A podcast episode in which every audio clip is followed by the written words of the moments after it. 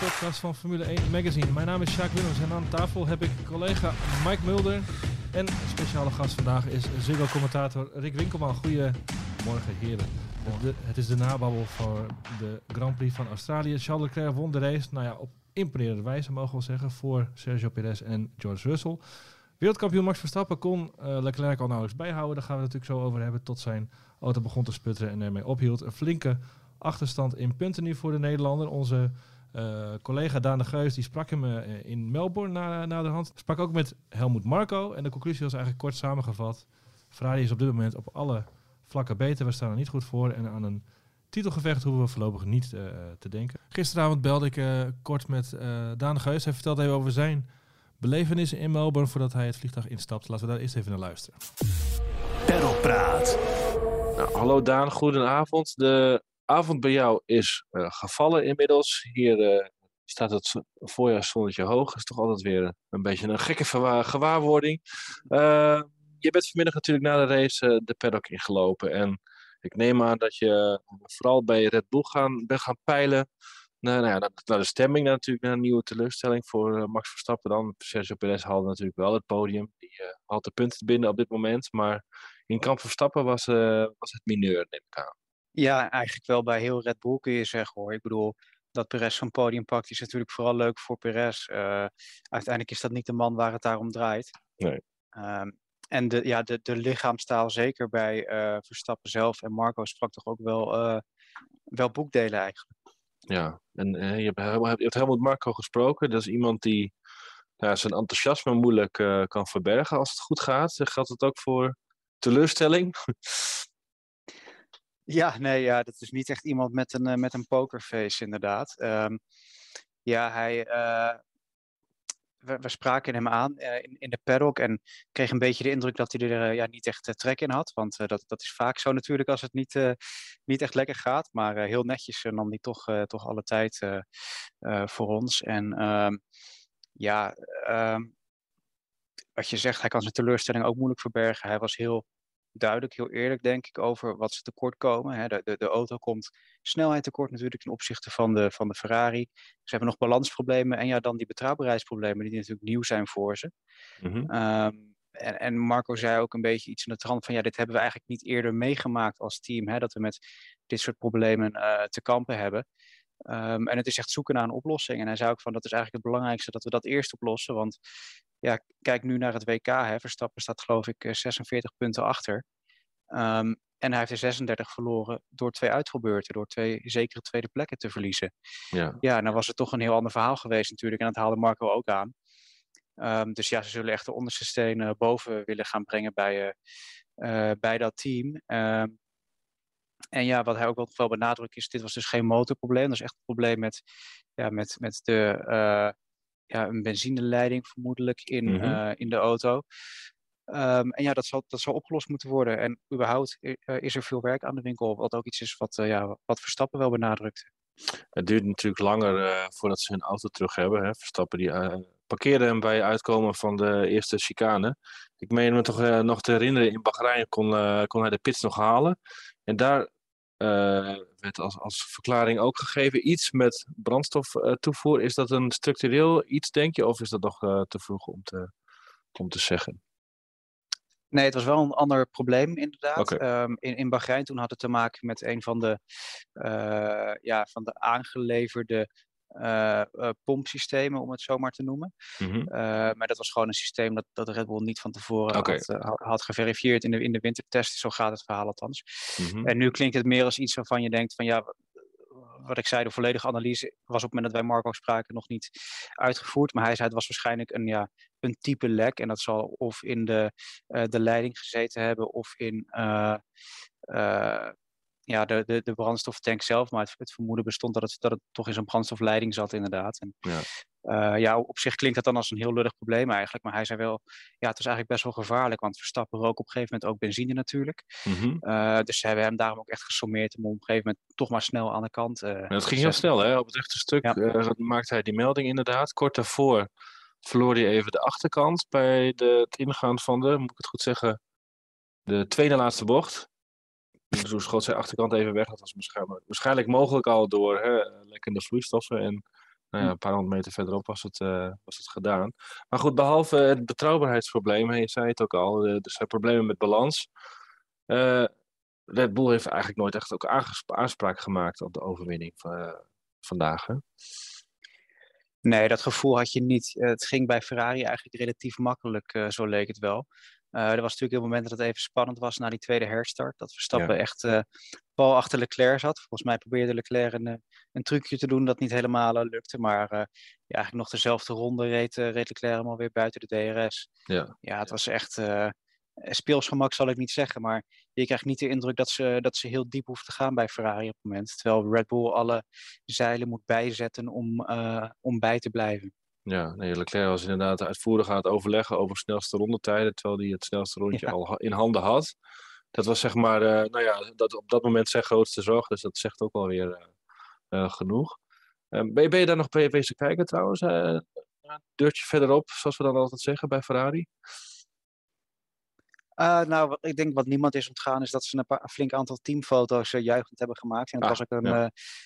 Uh, ja. groot feest, was het niet. Maar er, er was zeker wel feestgedruis in de paddock. Want Melbourne is een stad met een behoorlijke Italiaanse, ja, hoe noem je dat? Oh, ja, tuurlijk ja. roots, ja. of ja, achtergrond. er woont hier een grote Italiaanse gemeenschap. Dus ja. er liepen aardig wat ja, Italiaans ogende, maar Australisch klinkende types rond die, die, die behoorlijk blij waren. Heb je, me, ja, heb je Max zelf nog gesproken? Wat was zijn nou ja, analyse van het geheel? Ja, nadat hij bij de tv-ploegen was geweest, konden we Max ook nog spreken. aan de ene kant was hij best wel ja, relaxed eigenlijk een beetje zoals we hem kennen dit jaar. Hè? Van, uh, ja, ik wil niet zeggen van uh, hij ziet het wel, maar hij, uh, hij sprak er wel uit van ik ben natuurlijk wel gefrustreerd en heel teleurgesteld. Maar hij stond zich niet op te winnen of iets dergelijks. Wat je in, ja, in voorgaande jaren misschien nog wel af en toe bij hem zag. Hè?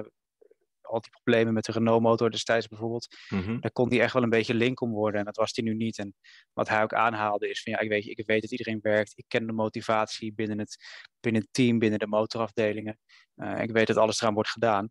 Maar hij benadrukte ook wel van uh, ja, het is eigenlijk gewoon niet goed genoeg op het moment. Want we komen snelheid tekort ten opzichte van Ferrari. En we hebben die betrouwbaarheidsproblemen. En hij voelt zich nog niet helemaal lekker in de, in de auto. Uh, dus er is veel, uh, ja, veel, veel werk aan de winkel. En daar, uh, ja. ja. typisch Verstappen, daar draait hij dan ook niet omheen om dat te benoemen. En dat zal hij intern ook zeker gedaan hebben. Nou, ik, ik, dat wil ik ook nog aanhalen. Voorgaande jaren, zeg maar voor de titel dan van vorig jaar, was het, was, nou ja, zijn, hoe zeg je dat? analyse was eigenlijk altijd wel doeltreffend. Als hij zei dat het gewoon niet goed genoeg was, dan bleek het ook vaak zo te zijn gedurende het seizoen. Het is natuurlijk nog lang, 20 races te gaan. Maar als hij dit nu al zegt, dan zou je zeggen: prolongatie wordt een uh, heel moeilijk verhaal. Ja, absoluut. En ik weet niet of hij die die rekensommen uit zijn hoofd uh, kent. Uh, waarschijnlijk niet. Ik in ieder geval ook niet. Maar uh, het is natuurlijk wel zo dat, dat ja, een achterstand van 46 punten, als je kijkt naar de marges waarmee titels doorgaans worden gewonnen, is dat nogal wat. Ja. Marco haalde nog iets aan van Vettel, die een keer 42 punten achterstand goed maakte op Alonso. maar ja, dat was ook een vrij uitzonderlijk seizoen natuurlijk, hè, 2012 toen. Ja. ik vond het wel opvallend dat Horner, die, die hebben we ook nog even gesproken, die hield echt zo'n verhaal van ja, we hebben er net meer dan 10% van het seizoen op zitten en er komen nog zoveel races en het komt wel goed. Terwijl Verstappen juist een beetje ja, uh, lachend opmerkte van ja, het voelt een beetje alsof we in dit tempo uh, nog wel 45 races nodig hebben om het, om het goed te maken. en weet je wat ik, wat ik zei? Hij zei het een beetje met een kwinkslag, maar ik denk wel dat daar een kern van waarheid in zit wat zijn gevoel over de situatie betreft. Een onoverbrugbare achterstand. Ja, misschien niet, maar wel in de zin van er moet echt even hard aangetrokken worden. Ja, ja, ja. ja. Nou goed, aan de andere kant, als je, be, als je, als je zeven keer wint en uh, Leclerc wordt zeven keer tweede, dan sta je ook uh, nagenoeg gelijk. Dus dat kan natuurlijk ook uh, zomaar gebeuren. Goed, om nog even af te sluiten. Het Volksfeest Melbourne, zoals we dat kennen, volgens mij hebben ze alle records gebroken dit, deze jaargang. En dan, ja, dat werd natuurlijk ook een soort van, nou ja, laten we bekroond zeggen, uh, met een, een puntenfinish van uh, local favorite, hè? Ja, van Daniel Ricciardo, zesde voor, voor McLaren. Nog een hele nette klassering, denk ik, gewoon voor hem. zeker als je kijkt naar het moeilijke 2021 wat hij, wat hij heeft gehad. En eh, ja, hij was toch de man waar het allemaal om draaide. Natuurlijk voor veel Australiërs op de tribune dit, eh, dit weekend. En het was wel mooi, want op de grid eh, ben ik even naar, ja, naar zijn parkeerplekken toegelopen, om het, om het zo maar te noemen. En toen hij daar aan het laatste stuk naar de grid wordt natuurlijk altijd geduwd door, Mhm. door de monteurs. En het was echt alsof er een soort, eh, ja, hoe zeg je dat? Een soort auditieve erehaag was eh, voor Ricciardo. dat gejuich en gejoel eh, langs elke meter tribune die hij, die hij passeerde terwijl hij geduwd werd. En terwijl hij uitstapte, ja, dat was echt geweldig. En Ja. ja, ja de, de reportage in het magazine die gaat ook over de Australische Grand Prix en, en het Ricciardo-effect. Maar ook dat het wel om meer draait dan alleen Ricciardo daar. Hè. De, de sport zit ook in Australië enorm eh, in de lift. Ja. Eh, onder meer door Netflix, maar ook gewoon door het, door het geweldige seizoen dat er is geweest. Hè, door de geweldige sportcultuur in, in, in Australië. En eh, ja, het was mooi om dat van dichtbij mee te maken. En wat je zegt, er waren enorm veel mensen in Albert Park. Het is echt, ik heb het niet vaak eerder zo druk gezien bij een Grand Bij, Prix in bij Vos. elkaar geloof ik bij- bijna een half miljoen bezoekers dit, dit weekend. Ja, dat, is, eh, dat zijn wel bizarre aantallen natuurlijk. Nou, ik, eh, ik laat je gaan. Je moet, eh, bijna vliegen, geloof ik. En eh, ja, dat is een traditioneel erg lange vlucht. Dus sterkte daarmee. En eh, dan gaan we weer eh, terug naar Amsterdam. Verder praten met onze, onze gasten vandaag. Perlpraat. We hebben er nu nou, 12 uur over na kunnen denken, eh, jongens. Wat is eh, de gedachte die bij jullie beklijft? Nou ja, je ziet wel dat eh, de combinatie Ferrari-Leclerc momenteel eh, in bloedvorm is. Hè? Ja. Je- Leclerc zie je ook weer toch wel wat beter functioneren, sneller zijn dan, dan Carlos Sainz. Dus Leclerc zelf voegde ook heel veel toe, denk ik. Maar die auto van Ferrari, ja, er werd al vaker geroepen vorig jaar. Ze zijn bezig om de auto voor 2022 eh, te ontwerpen. Nou, dat hebben ze waarschijnlijk wel gedaan en heel goed gedaan.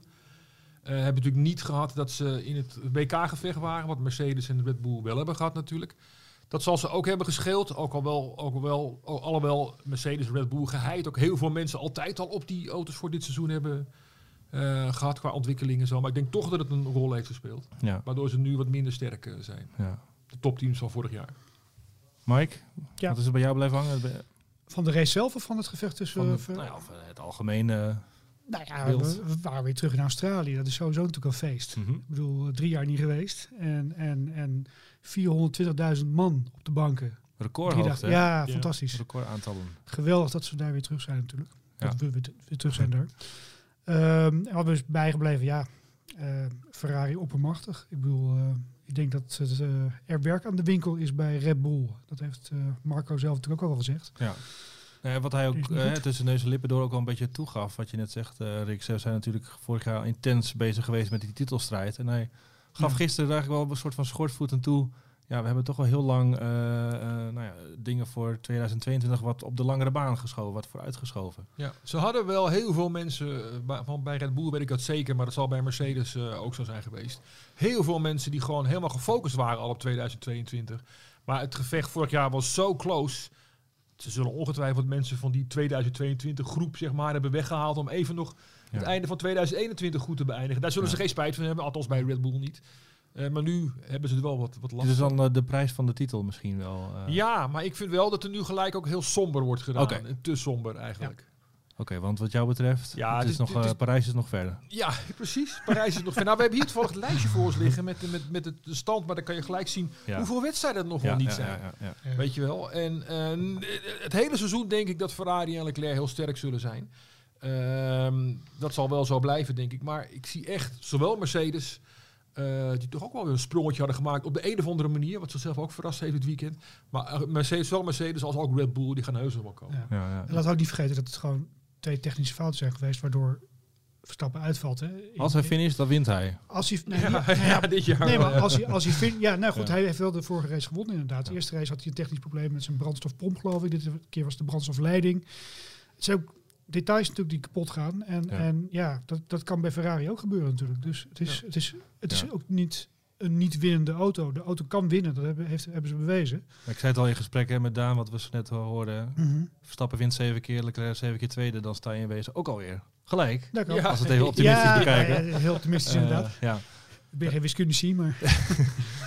Maar als er één ding is wat ik wel van, van Max Verstappen heb geleerd, eh, en vooral in de jaren voor zijn titel, dat als hij nou ja, eh, de indruk heeft dat het eh, Ja. een moeilijk verhaal wordt, dan zit hij toch wel vaak, eh, dan heeft hij toch ook vaak goed, zeg maar. Ja. Ja, natuurlijk. En, eh, Maar ik heb ook het idee dat die auto, dat Perez wat beter met die auto om kan gaan dan Verstappen. Ja, of, of, of ze kunnen nog niet het uiterste uit die Ja, auto halen. misschien. En Max kan dan misschien net wat meer van het uiterste van zo'n auto eh, gebruiken dan, dan Perez dat kan. Ja. Eh, maar het zou best kunnen zijn dat... Kijk, Perez zit natuurlijk wat langer nu ook bij het team. Misschien dat hij wat meer ook invloed heeft gehad bij Ja. het ontwikkelen van de auto. Mhm. Dat zou misschien nog eh, een, voor hem in het voordeel kunnen spreken. Maar dat is waar. Die Ja. lijkt er iets beter mee om te kunnen gaan. Maar ik denk ook wat, wat Sjaak zegt inderdaad, de prijs van de titel vorig jaar. Ik bedoel, ze hebben natuurlijk die auto verder door moeten ontwikkelen vorig jaar om toch maar die titel te pakken te krijgen. Dat is er gelukt. En dan ja, heb je Ferrari, die hebben gewoon alles 100% op, op deze auto kunnen, kunnen richten. Ja. En eh, hoe lang het gaat duren? Bij Ferrari heb ik, ik, ik- Bij Red Bull heb ik in het verleden altijd wel gehad dat ze een auto goed door kunnen ontwikkelen gedurende een seizoen. Die zijn altijd wel heel sterk om, hè, nieuw, om, om dingen aan te passen en die Ja. auto beter te maken. Ik weet niet, bij Ferrari was het altijd. Die begon altijd heel sterk en dat was meestal halverwege het seizoen waren ze dan Ja, een beetje klaar. Vergeet Mercedes niet, hè? die kunnen dat ook. Ja, die kunnen het ook heel goed laten Ja, zien. ja, dus, dus maar dan nog is het nog wel zaak natuurlijk dat je in je mindere weekenden wel finished. finisht. Precies. En Ja, dat is natuurlijk Dat niet, is eh, absoluut niet gelukt. Nee, Ja. nee, klopt. En eh, wat ik ook wel interessant vond, eh, onze columnist Jacques Villeneuve haalde ook aan. Niets is frustrerender voor een team dan op je tenen moeten lopen om de anderen bij te houden. Dus dat je eigenlijk niks mag laten liggen om ook maar nee, in de buurt te komen. En dat lijkt Ja. nu toch wel een beetje aan, aan de hand te zijn. Hè? Ja. Dat je ja. bij Ferrari gelijkt alles, hè, dat, dat loopt gewoon. Alles vanzelf lijkt het. Hè? Ja. Ja, ja, ja, het is nu een inhaalrace die zowel Mercedes als eh, Red Bull moeten doen. Alhoewel we vorig jaar natuurlijk ook in het seizoen bij fases hebben gezien dat Mercedes de bovenliggende partij was, dan weer Red Bull. Eh, zelfs de ene laatste ronde zo ongeveer was het nog eh Hamilton die wereldkampioen zou worden. Joh, Laatste race van het jaar. Dus ja, ze kunnen wel terugkomen, die beide teams. Alleen, het moet natuurlijk niet te lang gaan duren. Mercedes gaat geheid wedstrijden winnen dit jaar. Verstappen gaat geheid nog meer wedstrijden winnen dit jaar. Alleen als het te lang duurt, voordat Leclerc een keer een nul score heeft of, of, of minder sterk presteert dan nu, dan wordt het natuurlijk steeds moeilijker verhaal, dat is duidelijk. Ze kunnen ook niet rustig aan doen nu op de Nee. fabrieken daar in Engeland. Is Ferrari een beetje het nieuwe Mercedes? De ja, dat zou ik te kloppen partij of gaat het, eh, Ja, gaan, we, gaan we te snel nu? Ja, ons, op dit moment natuurlijk zijn ze ja. nu de te kloppen partij. Maar ik zou het te snel vinden om ze nu wel met Mercedes te vergelijken. Want als je even kijkt naar hè, datzelfde uitslagenlijstje wat je zegt. eh, Leclerc heeft alleen nog punten laten liggen met die tweede plek. Ja, Heeft de snelste ronde altijd gepakt. ja, Ja. ja. ja, Dat is natuurlijk wel een, Nee, een oké, vorm van dominantie die een beetje doet denken aan... eh, Jawel, alleen bij Mercedes was het natuurlijk een als we even een hele lange, willen maken. durende Ja. eh, zeven, dominantie. acht Ja. jaar joh. Oh. Ja, ja. Ehm, wat, wat kan het kampioenschap nu eh, een nieuwe impuls geven? Wat hebben we nodig? Hebben we een nul van Leclerc nodig? Hebben we een, een, een vondst van Red Bull? Wat, eh, ja, dat. we hebben Sainz nodig, denk ik ook. Ja, dat is, ja, dat, ja, die is toch wel even de mindere partij hè, ten opzichte van, eh, van Leclerc. Eh, nee, we hebben, we- ja, wat we nodig hebben is dat Mercedes en Red Bull echt op stoom eh, gaan komen. En ehm, ik vond op zich dat Mercedes nog er verrassend goed bij zat. Mhm. Met een auto die toch nog steeds niet gaat, volgens mij. Ehm, dus wellicht dat, het, dat, dat de achterstand van Mercedes niet zo groot is als dat we vermoed hebben. Dus dat ze wellicht dan ook vrij snel weer de vooraan kunnen staan. Dat hebben we nodig. Ja, en wat, en ze doen is de, de kans pakken als die er ligt natuurlijk. Ja. Dat, eh, Ja. Ja, dat doen ze ontzettend goed. We gaan naar Imola. Hè? Ja, daar ga jij naartoe, Mike. Ja. Je, je rentree in de paddock. Ja, na jaren. Eh nee, ik ben vooral benieuwd hoe, hoe, de, hoe Ferrari het daar gaat doen. Dat is natuurlijk een beetje home ground. Dus Mhm. dat is wel eh, heel bijzonder. Ik denk, Ik sprak de, de promote, of de, hoe heet het, de, de, de persmanager van het circuit. Ja. 80.000 mensen worden daar verwacht, volle bak. ja, cool. De, de, de beelden van eh het Schumacher-tijdperk, die, Ja. eh, Ja. die borrelen weer een beetje op. Hè? Hoe heet het, eh, bij Tosa heb je zo'n heuvel heuvel. altijd. Ja, Ja. ja, ja. ja, ja, Dat wordt natuurlijk geweldig, Mike. Ja. Dat, Ja. eh, Ja. ben ik best wel een beetje jaloers op dat jij naartoe gaat. Eh, ja. Ga jij lekker naar Monza? Ehm, maar ja, dat is weer nog, een- Nee, nog wel een vraagteken. Nee, maar wat ik, wat ik probeer of- te zeggen over, over hè, eh, het wordt, eh, dat Red Bull of Mercedes bijhalen. Ik bedoel, ik, ik, ja, ik vind het eigenlijk wel leuk dat Ferrari gewoon lekker vooraan Ik wil dat, eh, dat jullie vragen. Als je het Ja, een team gunt, nee, dan... Ja, natuurlijk gunt je Ferrari, absoluut. Ja, zeker. Ja, en de kans Ja. is best groot dat je gewoon ergens in het seizoen, hoe eerder hoe beter, dat je Mercedes en Red Bull hebt die Ja. dan de snelheid van de Ferrari te pakken hebben. Dan heb je dus gewoon drie teams. Ja, dat is nog mooier. Ja. Die kant is er natuurlijk ook nog Ja. gewoon. Hè? Ja. Laat het maar gewoon een keer heel erg open zijn. We hebben natuurlijk. Afgelopen jaar was, was een spannend jaar, fantastisch jaar. Maar de jaren daarvoor waren natuurlijk gewoon. Ja, saai Ja. eigenlijk. Dus het is wel, ik bedoel, eh, hoe meer, hoe leuker eigenlijk. Als het drie teams worden. Maar goed, wat Rick zegt, het moet niet te lang duren voordat ze de... Jawel joh, tot de laatste race joh. Nee, als in, Nee. het moet niet te lang duren voordat Oh, voor die de het anderen bij, eh, erbij komen. Precies. Ja. Absoluut. Ja, Zeker. ja. Ja. Hey, ehm, andere opvallers dit weekend. We hadden het al even kort over Mercedes. We hebben het, eh, George Russell pakt een podium.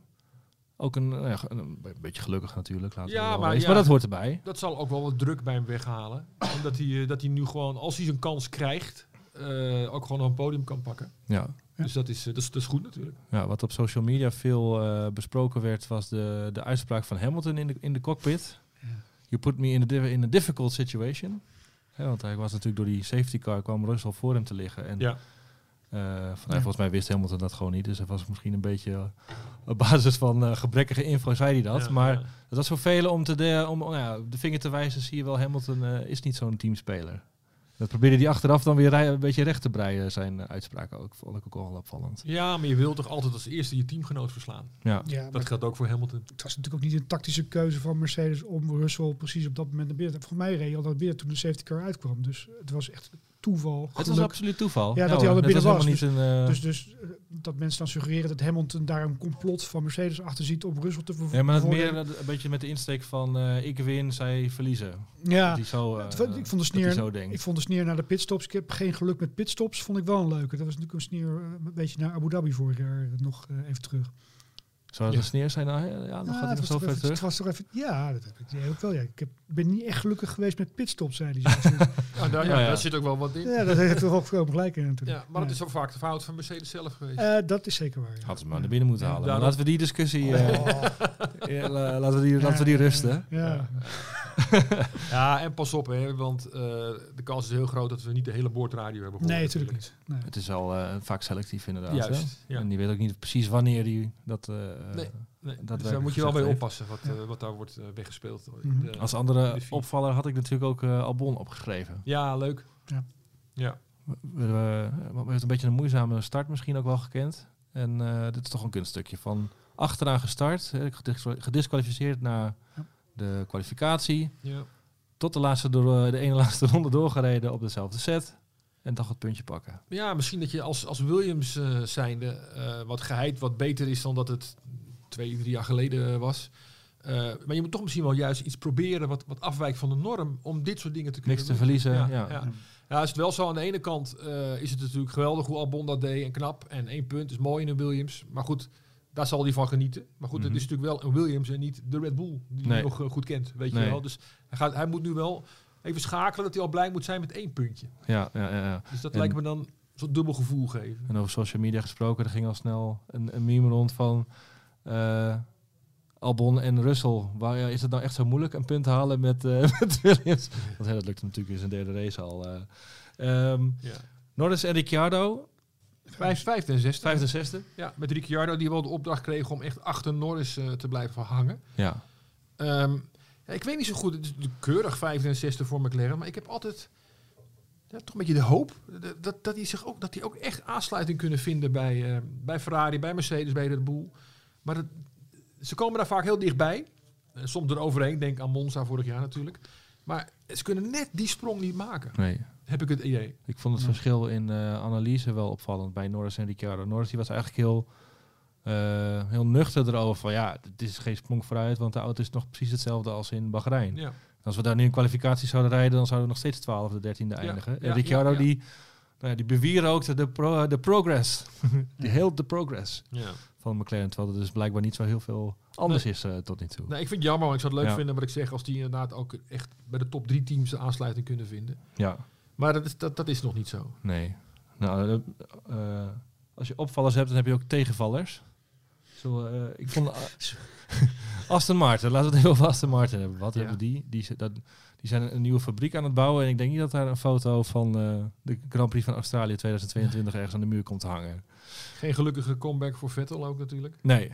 En ook nog een boete van 5000 euro voor dat scooterritje. Ik vond het wel geestig, ja. Ja. Toch wel een grappig, beetje, een Dat, beetje dan, Mario Kart, eh, met het helm, op- helm op zijn hoofd zo. ja, dat mag niet, hè? FIA safety, eh Ja, ja, ja. handen los ook nog even. Ja. En nog 500 eh, euro geloof ik ook nog voor een, eh, een, te snel rijden in de pits trouwens in de kwalificatie. Dus hij heeft eh, de boetepot gespekt. Ja. Maar Eh, ja, Lawrence Stroll, onze columnist van Jacques Villeneuve, die haalde het al aan. Het runnen van een Formule 1 team is toch iets ingewikkelder dan eh, een kledingmerk of een, eh, een horlogeketen. Ja, maar je ziet wel vaker bij Stroll als circuits eh, nieuw zijn of als circuits eh, veranderd zijn. Dan zie je eh, hoe, dat hij het extra moeilijk heeft. Ja, En dat was nu ook wel duidelijk. maar ik vond ook een beetje een gebrek aan eh, zelfreflectie eigenlijk wel. Ja, maar het ligt nooit aan, sowieso het last ligt, van, het ligt volgens nooit aan. Lens. Nee, het ligt nooit aan Lens, dat klopt. dat klopt. Nou, ik, ik moet zeggen, in het interview na die crash met Latifi was hij toch wel ietsje voor zijn doen genuanceerd. Hij zei zo van, ja, het was awkward, het was vreemd wat er gebeurde. Ik, heb, ik, ik, ik hoorde hem niet zeggen, het is de schuld van Latifi. Uh, zoals hij wel in het verleden wel vaker heeft gedaan. Het was niet eh, een afschuiven van. Ik vond hem daar toch wel voor zijn doen best wel redelijk genuanceerd. eh. hij wilde niet Ja, de schuld zelf op zich ja. nemen, maar het was ook niet zo van eh, Latifi eh, heeft, eh, heeft fout gemaakt. Maar hij had ook aan, hè, de baan die buigt daar een beetje af. Ja. Hij reed rechtdoor en Ja. daardoor ja, de, de, ruimte, de ruimte wordt kleiner. Maar met andere woorden, het ligt niet, nog steeds niet aan, eh, aan Lens. Nee, nee, nee, maar het was ook niet een afschuiven op het TV Nee. en die eh, heeft het fout gedaan. Ik, ik- ja, met, god, Esther Martin, hou op joh. Ik bedoel, dat Vettel eh, pff, in, in, in, de, in de eerste vrije training... Vindt hij zijn wel leuk, vraag ik me af. Nou ja, volgens mij heeft hij een paar weken lekker thuis gezeten bij, bij vrouwelijke kinders. En, en vond hij dat wel heel erg leuk, denk ik. ik, ik- Rob, ik- Rob van Gamer had bij ons in het racecafé vrijdag ook een foto van Vettel. Dat je ook gewoon een buikje zag en zo. Ik weet niet of Ja. dat, dat, dat de, de wind onder het t-shirt kwam daar of Ja. niet. Maar dat zag er wel... ik vind zag hem nooit trouwens heel minder atletisch. af- minder eh. afgetraind. Ja. Nee, hij is nooit echt een nee, nee, nee, atleet geweest. nee. Nee, misschien dat hij eh, even heeft genoten van die paar weken vrij af. Ik weet niet hoe hij geleden heeft onder die coronabesmetting, maar eh, nee, nog niet. ehm, Hij rent vaak in de paddock en dan zie je ook wel eens als een, een, een iets te strak shirtje. Dat beweegt toch wat meer dan, dan, dan bij dan andere. bij mij bedoel je. Nee, het, eh, nee, ik heb ook niet het idee dat hij heel erg één is met die auto. Nee. Dat was het eerste weekend in die auto. Eh, hij heeft natuurlijk volgens mij in Silverstone denk ik een paar ronden in gereden. Eh, shakedown, maar ik heb niet het idee dat hij nou, nou zich heel erg Nee, als je, als je nagaat hoe Hulkenberg in die auto ging zitten en Ja. boem, weet Ja. je wel. Ja. Dat deed Hulkenberg beter dan dat Vettel Ja. dit, weekend, dit weekend heeft gedaan. Nee, Aston Martin, dat eh staat ook onderaan, hè? nul punten. Als enige. Ja, Ja. helemaal onderaan. Als enige nog zonder punten. Ik denk dat eh, meneer Lawrence daar niet... eh, dat hij wel even gaat bulderen deze week. Met al die Ja. ambities en plannen, wat je zegt ook voor de nieuwe fabriek Ja. en alles. Ja. Ja. Dat zit, de, de, de marketingafdeling draait op volle toer. Het ziet er allemaal heel gelikt en corporate uit. Maar Ja. op de baan zelf is het natuurlijk eh, Ja. Om te huilen. Ja. Ehm, ik had nog even Alpine opgeschreven. Want daar was de snelheid er wel. Maar komt het dan uiteindelijk toch weet je, op, op, een, op een rot manier eigenlijk eh, niet uit, hè? Nee, die hebben nog wat, ja, wat geluk misschien wel nodig. Je ook ziet nu in de stand van de WK, 14e Alonso. Ja, Ja. ja dat is ook zijn eh autonummer. Dat is zijn maar, autonummer, eh, Ja, ja, precies. Oh, ja, ja, maar hij staat ook 14. Ja. ja. ja, terwijl ook, ook puntjes. er gewoon wel goed bij staat natuurlijk. Ik bedoel, Ja, ik kon, ze, ook kon zevende. Ja. Die heeft ook alle punten Ja. gescoord. Alle Ik- wedstrijden gescoord. Waar ik me wel zorgen over maak is dat de motoren daar eh, de een en de ander eh, het begeven. Wat is er, zou, er, zou dat iets zijn gerelateerd aan de nieuwe... Dat denk ik wel, ja. aan de nieuwe auto's. Maar ja, dat is natuurlijk heel Nou, lastig om nu even te, eh, te zeggen wat het zou zijn. Ze hebben volgens mij die motor een, een upgrade, een, een fikse upgrade gegeven afgelopen winter binnen de beperkingen natuurlijk van de regels. Maar Mhm. ik heb het idee dat daar. eh, ik, of, of nou, die gaan het seizoen niet halen zonder dat er eh, gridstraffen worden genomen. Nee, eh, Nee. lijkt me niet heel. eh, nee. We hadden het er over, nog even over Stroll gesproken. We hebben een mooi verhaal over rijke lui, kinderen Ja, in de Formule 1. ja. Vertel eens in ons nieuwe nummer. Ja, het, is natuurlijk. Maaspin is nu weg.